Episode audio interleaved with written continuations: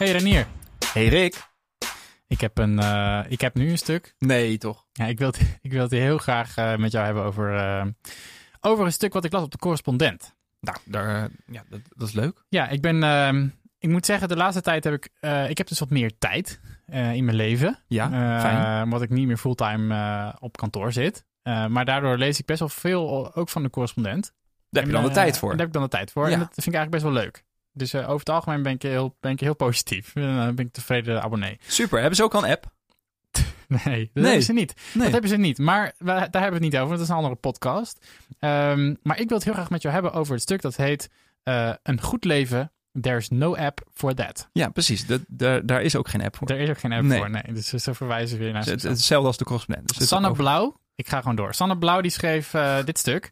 Eh, en dit stuk gaat over de invloed van eh, technologie op onze levens. Ja. Ehm, en ehm, eh, heel eerlijk, ik, ik zag het natuurlijk voorbij komen. En toen dacht ik wel gelijk, ja, dit is natuurlijk een stuk waar ik, waar ik zelf echt iets mee moet. Want, ja, want ik, ben, ik, ben, ik ben hiervan, zo van technologie en je leven. Je voelde je En, ook aangesproken Ik best wel misschien aangesproken. het stuk, beetje. ja. Snap ik. En, ehm, eh, en de voorbeelden die ze aanhaalt, en dan dacht ik, ja, dat is, ik word hier ook blij van. En zij wordt er helemaal niet blij van. Ehm, eh, kort samengevat, ehm, zij, eh, zij schrijft eigenlijk van, nou, zijn een heel aantal dingen zijn er eh, door, door programmeurs en door technici zijn er bedacht. Zoals bijvoorbeeld Soylent, dat is een soort, ja, soort drinkvoer, een soort astronautenvoedsel eigenlijk. Wat je, dus dan hoef je niet meer met elkaar, te, echt met elkaar aan tafel te eten.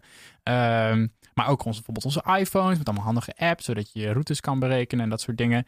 Die vereenvoudigen onze levens. En ze zegt eigenlijk, ze stelt in het stuk, ehm, is het niet zo dat ehm, ja, goed leven eh, of efficiëntie of eh, hoe, hoe, hoe makkelijk we dingen kunnen doen, ehm, dat het niet per se een doel op zich zou moeten zijn, maar dat het een waarde is. Dat is wat zij stelt. Hè, dus, eh, en dan betoogt ze, ja, we gaan normale dingen, die gaan we vergeten. We weten niet meer hoe ze moeten. En als we dat Daar dan... krijg ik altijd een beetje jeuk van gelijk.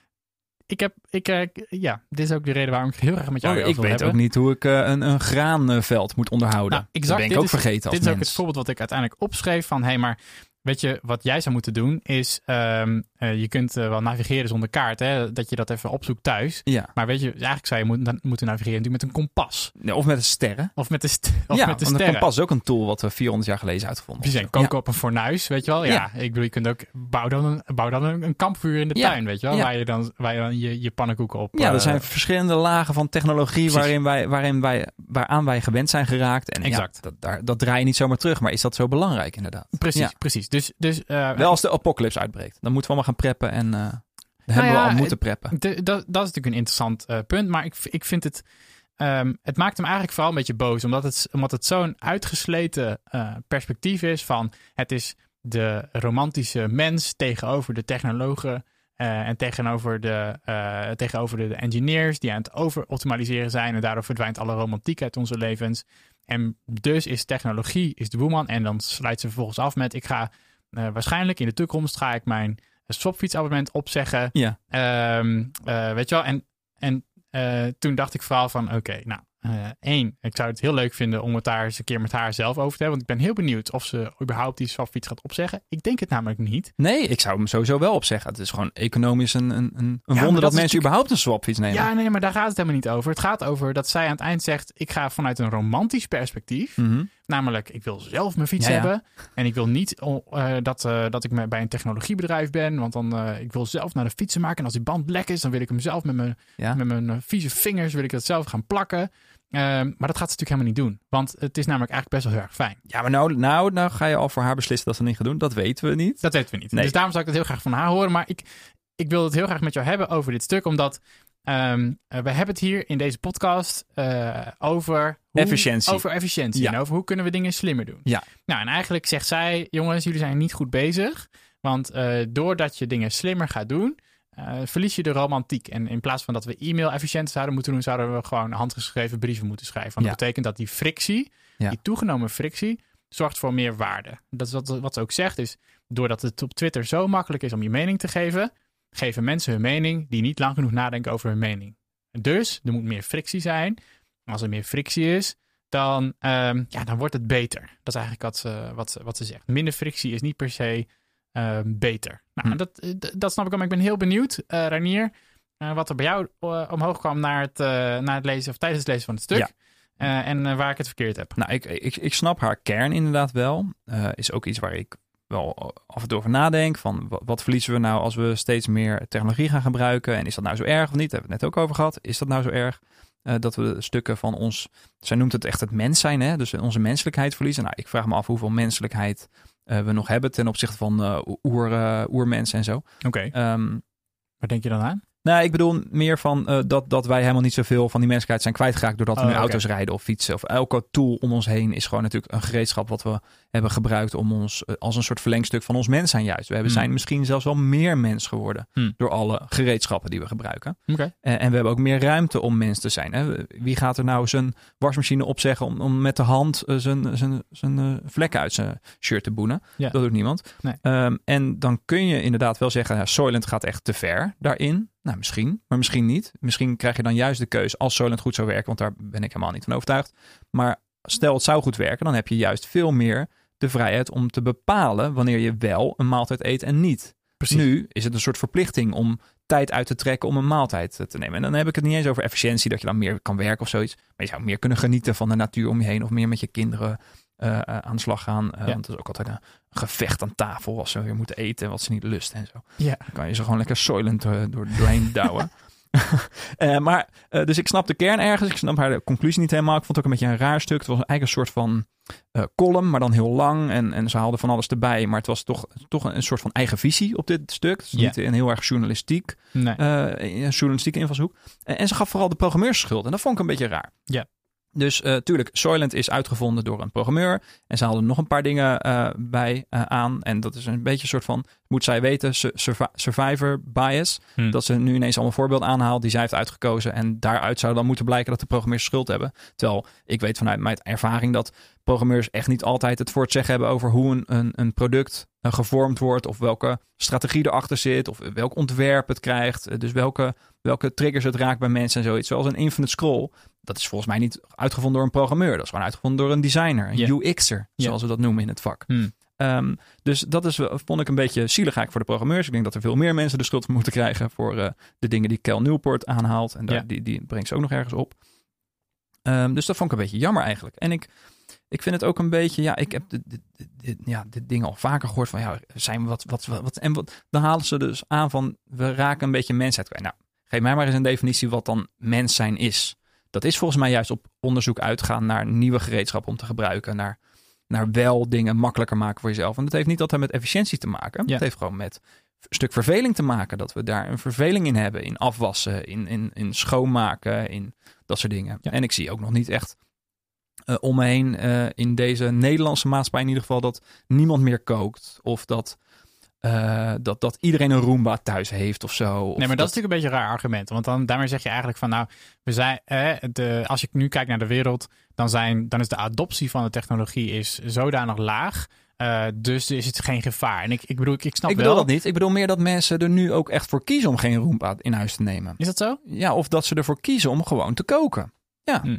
Hm. ja, ik zie dat in ieder geval in Nederland niet. Ik denk dat het in Amerika een groter probleem is dat mensen eigenlijk niet eens meer weten hoe ze moeten koken. Ja. Maar is dat dan wel een probleem, hè? Wil ik ook gelijk benadrukken.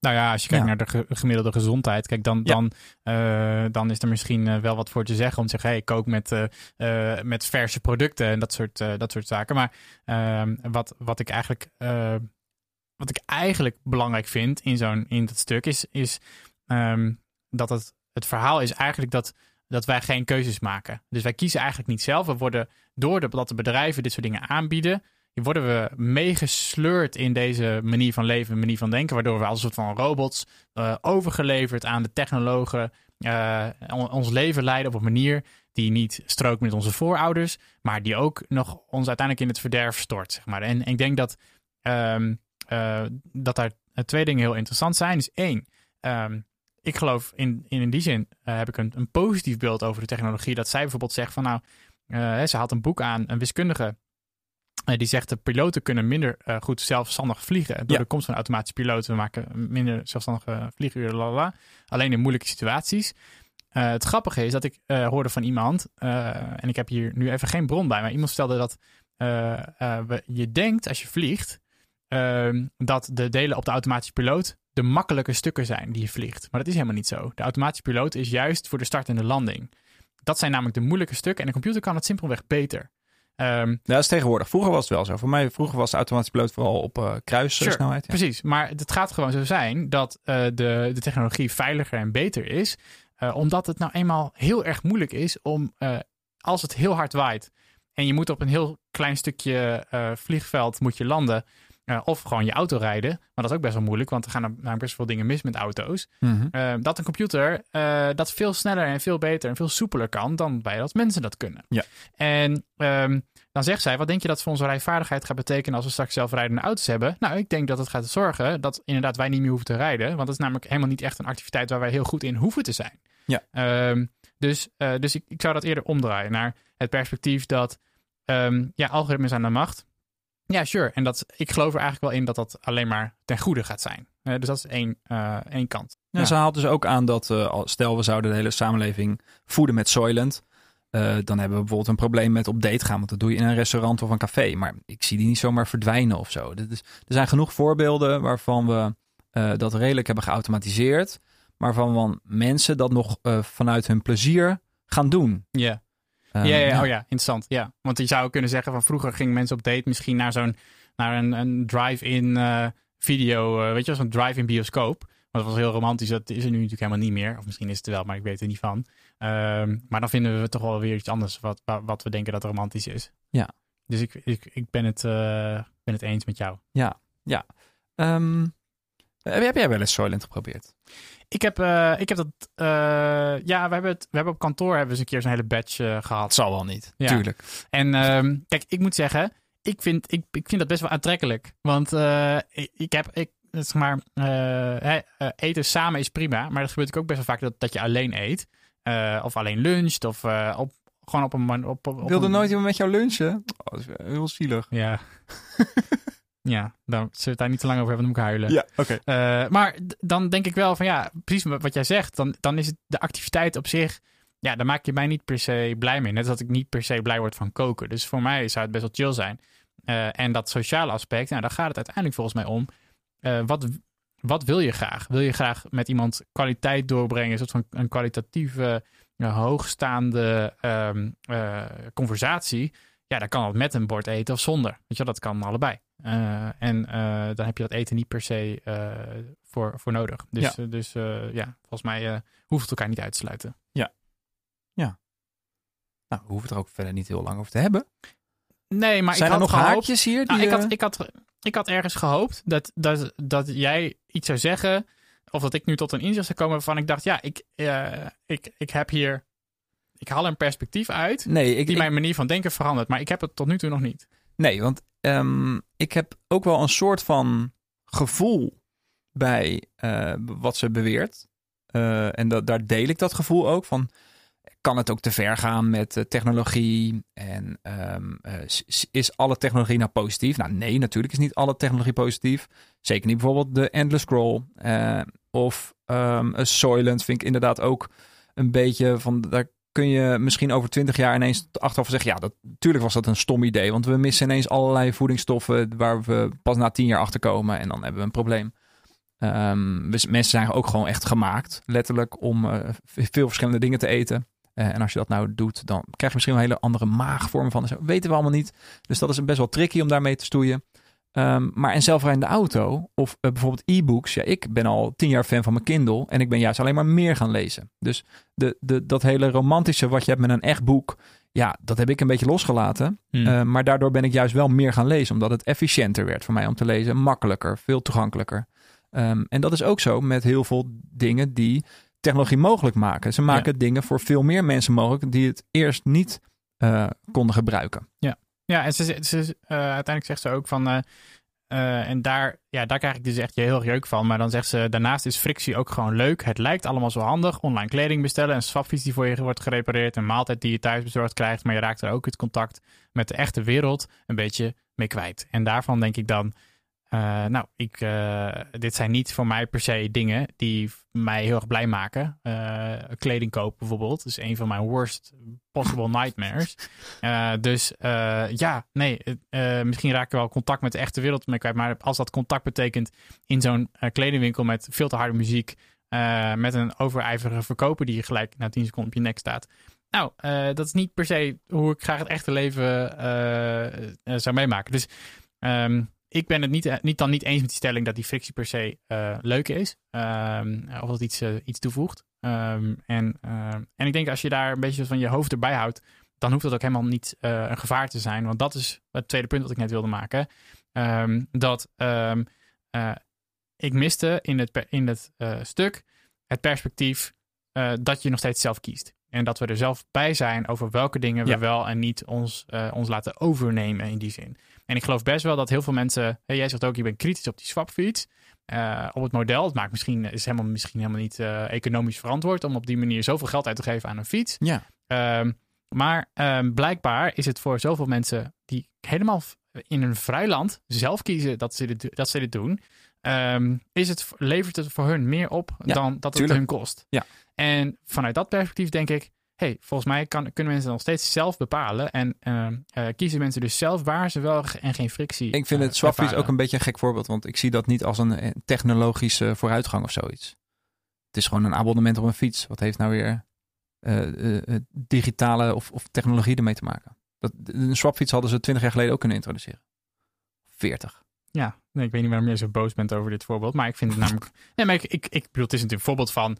Uh, waarbij er frictie is. Namelijk, er zijn dingen die kapot zijn aan, aan elke fiets. Ja. En uh, wie vindt het leuk om dat te repareren? Niet. En daarom rij jij al waarschijnlijk vier, vijf jaar met een fiets op waarbij er iets rammelt. En waarvan je nee. elke keer nou denkt... Uh, als de band lek gaat, dan breng ik hem ook gewoon lekker naar de, naar de fietsenmaker. Ja, om de economie te steunen. Ja.